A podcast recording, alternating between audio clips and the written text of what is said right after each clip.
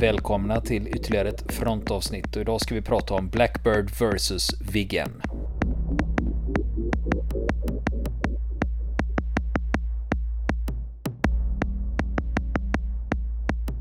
Och nu fortsätter vi prata om Viggen vs Blackbird. Och eh, de här historierna om piloterna, eh, de berättar om eh, det här. De kommer ifrån Flyghistorisk revy, system 37 Viggen och de publicerades 2009. Så det är därifrån det här kommer och det är rakt av då. Och den första incidentkontakten som genomfördes det var den 26 oktober 1982. Då hade man rote M49 och piloterna hette Jan Agner och Ulf Johansson. Och Jan Agner han berättar så här. Vi hade inte någon extra tid för att komma i utgångsläge, utan vi leddes utan marginaler. Jag fick låsning på SR-71 under dess vänstersväng norr Gotland och jag minns att jag något överraskades av den ovanligt låga målfartvektorn på MI. Målhöjden var drygt 20 000 meter med fart Mach 2. På grund av den stora närmandefarten mellan oss och målet så måste överljudsstigningen påbörjas på långt avstånd. Längre än man skulle bedömt nödvändigt om man inte tränat tidigare. Anfallets slutskede gick fort och blev ett klockrent 180-anfall. Stigningen ökade successivt i en båge uppåt för att bibehålla målet inom skjutvillkoren som de presenterades på målindikatorn. Målet störde vår radar, men den bibehöll låsningen. Det började krypa i kroppen beträffande flygningens fortsättning efter avfyrning då min nos pekade mycket uppåt och farten sjönk. Men att avbryta kändes inte som ett val nu när vi hade fått möjlighet att prova vår förmåga mot detta kvalificerade mål. När jag simulerat avfyrning av min RB71 tittade jag upp och såg en svart skugga passera rakt över mig och bakåt. En skugga var det, några detaljer syntes inte. Normalt efter anfall med RB71 ska man flyga så att radarbelysningen bibehålls mot målet tills roboten är framme.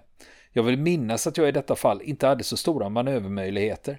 Jag fick koncentrera mig på att rolla mitt flygplan oändligt långsamt mot horisonten i en kastparabel för att få nosen neråt så att farten skulle kunna öka igen.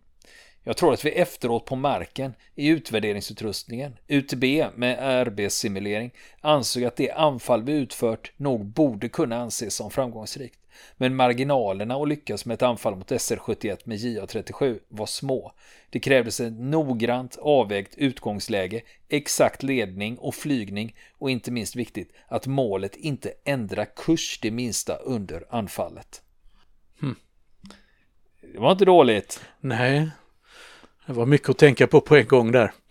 ja, precis.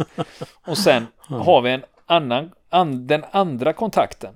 Den genomför man 1 november 1982 med, med roten heter M68. Och piloten är, eller flygföraren då, ursäkta, eh, han heter Per-Olof Eld. Han berättar att jag befann mig över Gotska sjön när order om incidentinsats gavs. Ledningen skedde från radargruppcentral 01N Vesslan med strildata. Måldata presenterades på målindikatorn och taktiska indikatorn.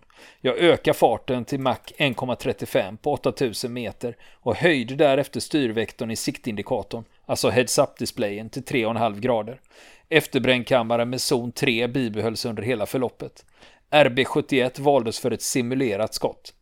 JA37s radarräckvidd var 60 km och taktiska indikatorn räckte upp till 80 km. PS46 slavades till strildata. Måldata visar att målet flög på västlig kurs med Mach 2,54 på 21 500 meter på stort avstånd. Jag fick ett målläge söder om Åland och Västland och antog snabbt att det kunde vara MIG-25 eller SR-71. Målet svängde vänster mot mig. Farten ökade mycket snabbt och vinkeln närmade sig 180 grader framifrån sektorn. Strildatacirkeln på målindikatorn med PS46 låssymbol indikerade ett eko på maximalt avstånd. Jag gav låsorder och PS46 låste direkt. Målet påbörjade intensiv störning mot min radar som dock behöll låsningen. RB71ans skjutenvelopp presenterades på siktlinjesindikatorn, målindikatorn och taktiska indikatorn. Jag genomförde en simulerad avfyrning mitt i skjutenveloppen med ett styrfil nära noll. Närmandefarten var cirka Mach 4,5 och målutpekningen började peka uppåt. Jag närmade mig snabbt, högsta höjd 16 000 meter med överljudsfart.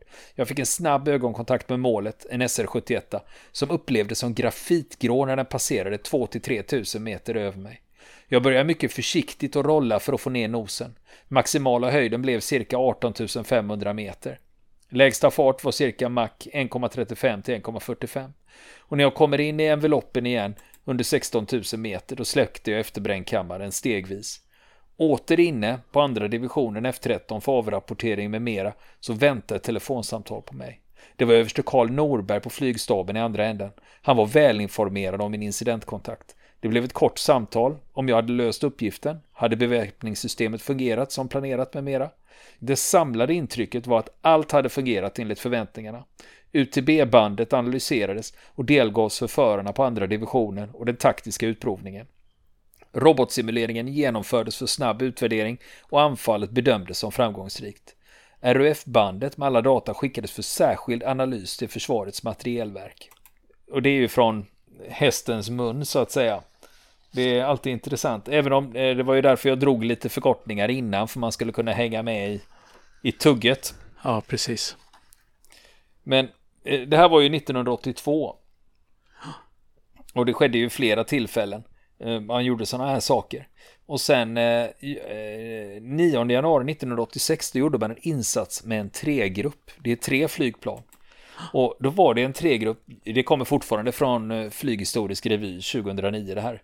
Och då var det en tregrupp JA37 som startade från F13 mot söder för att genomföra övningskontakter. Och tregruppen bestod av chefen för andra divisionen, Per-Olof Eld, som vi precis har hört, samt Roger Möller och Ulf Johansson. Och direkt efter start så fick förbandet gå över till eh, radargruppcentral 01 Rockan som påbörjade stridsledning av gruppen för incidentinsats mot ett mål som bedömdes vara en SR-71. Tregruppen steg till 8000 meter på sydostlig kurs för att sedan vända norrut från ett läge sydost om Västervik. Strid leddes med tal och data. Tregruppen hade jaktlänk inom förbandet och grupperade sig på kolonn. Samtliga tre JA37 genomförde anfall med simulerade skott som analyserades i UTB-anläggningen. Kontaktförloppet startade klockan 13.14 och var klart klockan 13.25 med en kontaktpunkt 50 km väster om Visby. Målet flög på 21 500 meter med Mach 2,9 och satte in störning mot PS46. JA-gruppen hade haft gott om tid för att öka såväl höjd som fart. Och när gruppchefen och tvåan passerade målet gavs order om att fortsätta med maxfart då Mach-talet var cirka 2,0. Trean i gruppen hördes dock ej på radion varför gruppchefen frågade Läget? Svaret kom Jag segelflyger Trean hade råkat ut för högtemperaturstall. Motorn hade pumpat svagt och motortemperaturen steg och utloppstemperaturen indikerades. Föraren agerade rätt och kuperade motorn för att sedan återstarta vid passage av 12 000 meter. Och hela tregruppen hade högsta höjd över 18 000 meter vid insatsen. Hm. Och eh, det, det är ju dramatik liksom. Fick ja. han igång motorn eller fick han? Ja, jag visste. Han fick ju igång den igen på 12 000 meter ja, på, vägen ner, på vägen neråt då. Gledflög, gledflög, gledflög, mm. gled, säger man? Han glidflög så länge. Glidflög, ja, precis. Just det. Men sen är det det här med eh, de här historierna då va. Det är ju där det är så här legendariska grejer så berättas det återberättas eh, vad som har hänt och vem som har gjort vad och sånt. Och nu har ni fått namn på de två första då. Precis. Eh, och, men det, det är så här att det finns en till händelse och den har blandats ihop med de här. Och det är en räddningsaktion 1987 och det är en helt annan separat händelse. Mm. Och det här är den 29 juni 1987.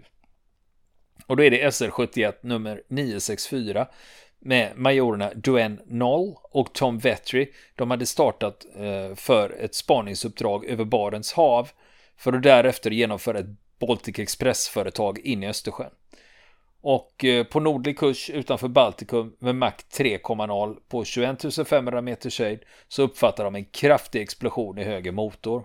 Och piloten Veltrian berättar att jag tänkte väl inte så mycket, man kliver helt in det som man har gjort under övning. Vi har gjort det här gång på gång i simulatorer. Att hantera det akuta var första steget.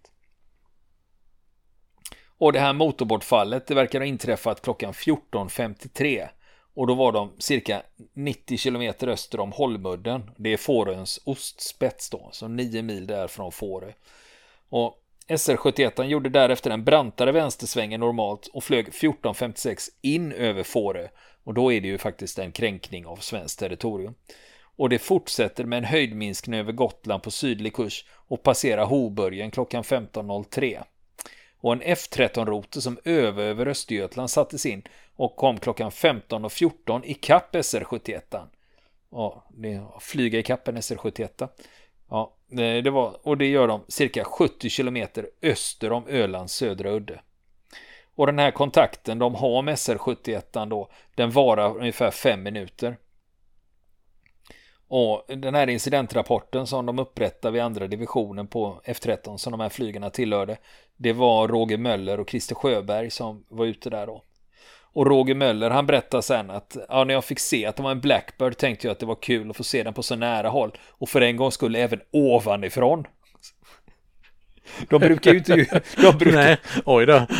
Det, det brukar man inte Nej, göra va? Utan du Nej. ser ju den som en liten prick högt upp då. Ja visst. Ja. Visst, ja, det måste vara rätt udda. Ja, och, och, han berättar också Möller att eh, han och, hans, eh, han och min rotekamrat, eh, jag och min rotekamrat Christer Sjöberg följer det under cirka fem minuter och närmaste avstånd är 30 meter. Vi kan se att det flyger på en motor och att det står US Force eh, nationalitetsbeteckning under kroppen och ett nummer på planet ser de också. Mm. Och den här stridsledningen eh, då som skedde under den här perioden, den skeddes från eh, radargrupp central 01S Rockan. Målets höjd här var 6000 meter och farten Mach 0,7. Och den amerikanske föraren besvarade svenskarnas vinkningar och våra förare observerade en trolig störning på sina respektive radar. Och eftersom det gällde eh, den här roten som blåste ut där för att titta vad det var. Det, de var fredsövande så de hade inga handkameror med sig. I vanliga fall på incidentinsatserna eh, så hade de inte med sig en kamera. Major Dwayne Noll som sitter i SL-71 han har senare berättat att That got the Swedes attention and a pair of Viggens were on our wing before we reached 18,000 feet. Det är ju det att de sjunker ju nu då va. Och sen var det ju det att det som hade gett, gett uppmärksamheten här, det var att de hade kränkt svenskt luftrum. Mm. Tom Veltri, den andra som var i SR71, han har sagt till Aftonbladet att de inte visste det då, men att de senare fick information om att Sovjetunionen skickat upp flera stridsflygplan efter dem. Och mm. enligt Veltri, han säger så här, Sovjetunionen, de piloterna, de hade order att skjuta ner SR71 eller att tvinga oss att landa. Och sydost om Ölands södra udde så mötte ungefär klockan kvart i tre. Då tittar Veltri ut genom fönstret och ser två små prickar som hastigt närmar sig. Och vi trodde att det var sovjetiska plan. Men när de kom närmare så såg vi att det var två svenska Viggen. Då började vi andas mer normalt igen. Vi blev enormt lättade. Vi visste att vi var i säkerhet så länge de stannade kvar hos oss. Mm. Berättar Veltri som ombord på SR-71 här då. Och då är det ju så att Eh, de, den första roten där som var över, över Östergötland och stack ut och kollade vad det var frågan om. De hängde på SR71 i fem minuter. Men det fanns även incidentberedskapsrote som stod på Ängelholm.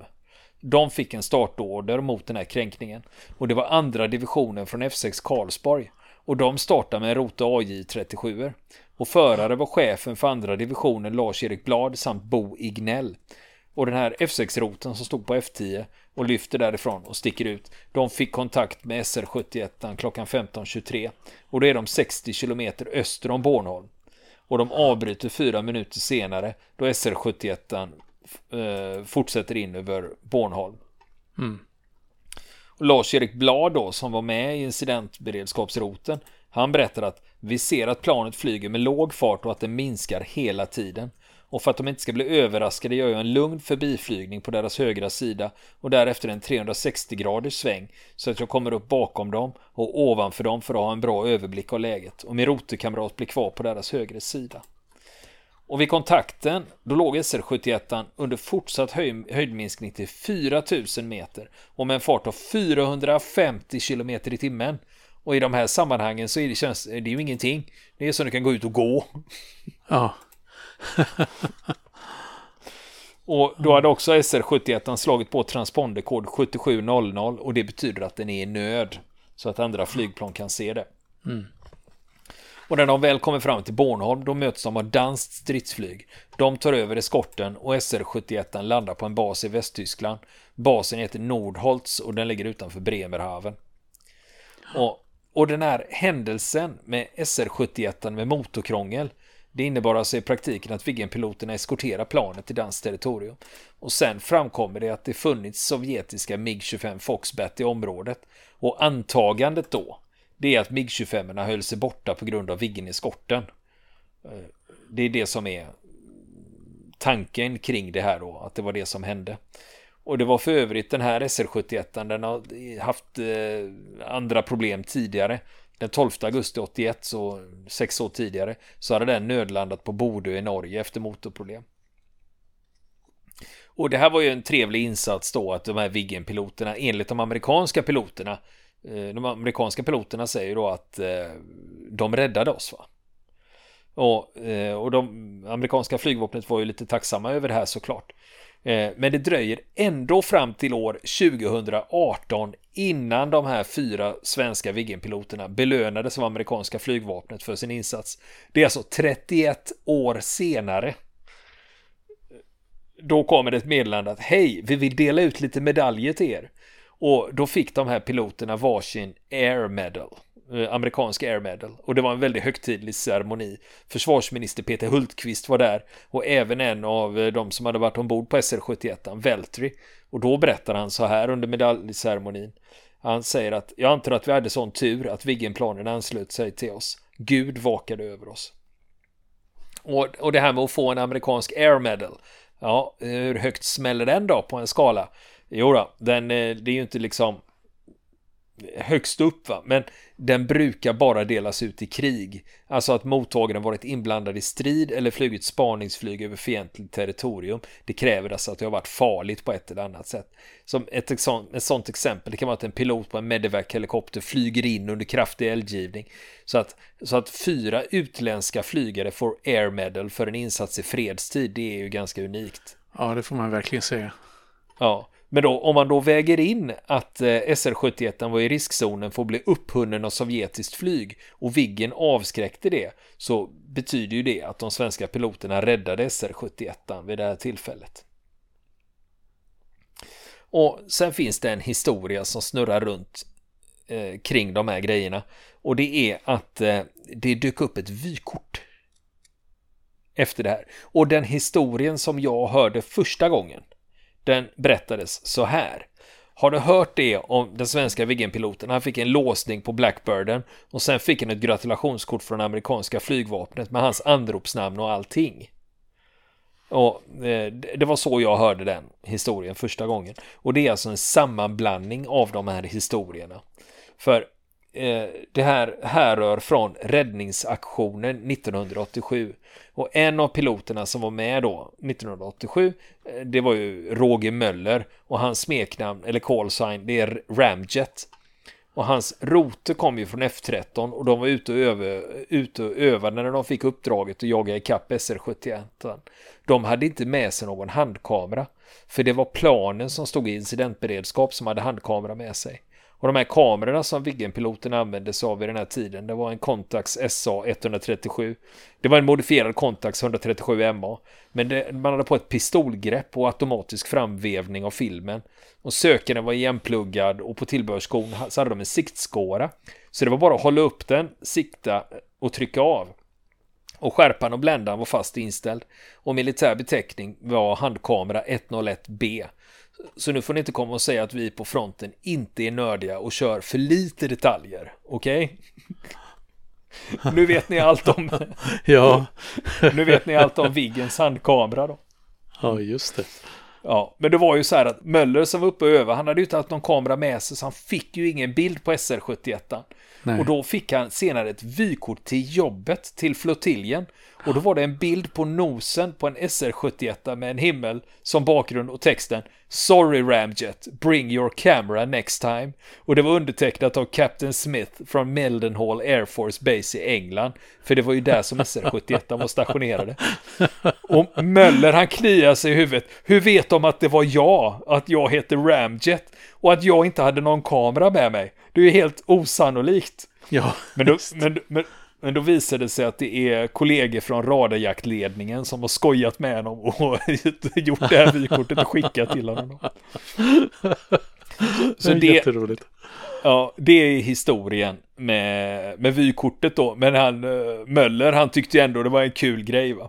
Eh, men eh, eh, Ignell som var med här, Bo Ignell, han tillhörde F6 och incidentberedskapen och de startade från F10. Han hade kamera med sig och han fick närbilder på SR71. Så de, de ni ser som ligger ute på Försvarsmaktens hemsida och så, de, det är Bo Ignells bilder. Helt enkelt. Men så kommer vi till det här, liksom, det här med att få en låsning på SR71. Finns det inga andra plan som har lyckats med det då? Jo, det, det, finns en uppgift att det skedde 31 januari 1986 över Barents hav. Och nu är det, den här uppgiften är inte lika väldokumenterad som svenskarnas prestation utan den bygger på en intervju med en sovjetisk pilot. Och det, den har jag hittat i en amerikansk bok om SR-71. Och där berättar den sovjetiska piloten om uppdragen att försöka få en radarlåsning på SR-71. Och taktiken var snarlik svenskarnas. För även om MiG-31 var ett snabbt plan så byggde det fortfarande på att de visste vilken väg SR-71 skulle ta och att de kunde genskjuta den. Man kan ju inte flyga i det liksom. Mm. Och den här piloten som berättar det här, han heter kapten Mikhail Miyagi den här eh, sovjetiska flygarna berättar att de lyckades låsa på 120 km avstånd. Och när de själva var på 16 000 meters höjd. Och de fortsatte tills de själva var på 20 000 meters höjd. Och han säger att de hade med sig R33-robotar. Och det är långdistansrobotar för jaktflyg. Och han tror att eh, SR-71 skulle haft svårt att komma undan om de hade avfyrat dem. Och, att de hade, och de hade avfyrat dem om SR-71 hade kränkt sovjetiskt luftrum. Nu gjorde den ju inte det, utan det skedde utanför då, när de fick den här låsningen. Mm. Det, hindrade, det hindrade ju inte det ryska flygvapnet i samband med Catalina-affären till exempel. Nej, det mm. finns ju flera sådana exempel. Ja, precis. Så om man ska gå på de här uppgifterna som den sovjetiska piloten säger, då lyckades de med det här då 1986. Men då mm. hade svenskarna redan gjort det 1982. Men den är inte lika väl belagd den uppgiften så att säga, det finns bara muntliga.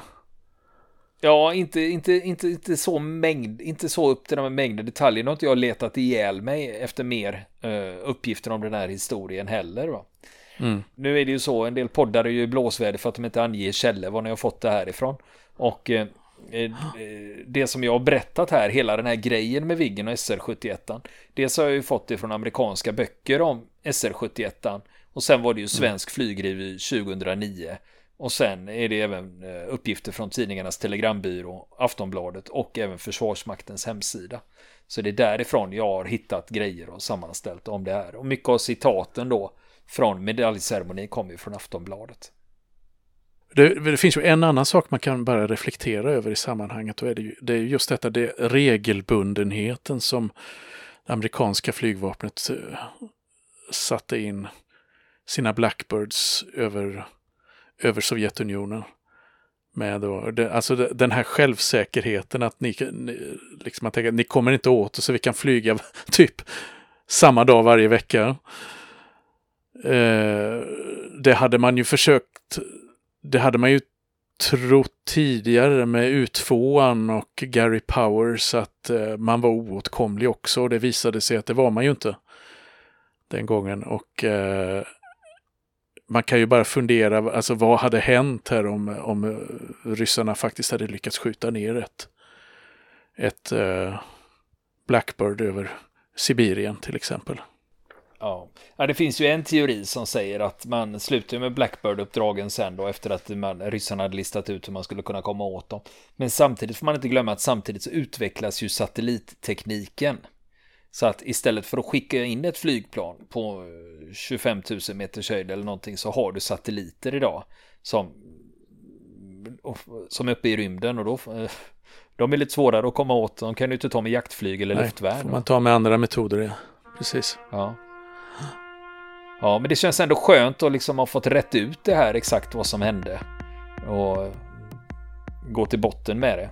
Och sen är det också väldigt roligt för jag lär ju mig väldigt mycket om eh, olika saker när man faktiskt rotar i det. Vill ni komma i kontakt med oss så kan ni göra det via vår Facebook-sida som heter Fronten. Det är inga problem för er att leta er fram där. Eller också så mejlar ni på vår mejladress och det är frontenpodcast.gmail.com.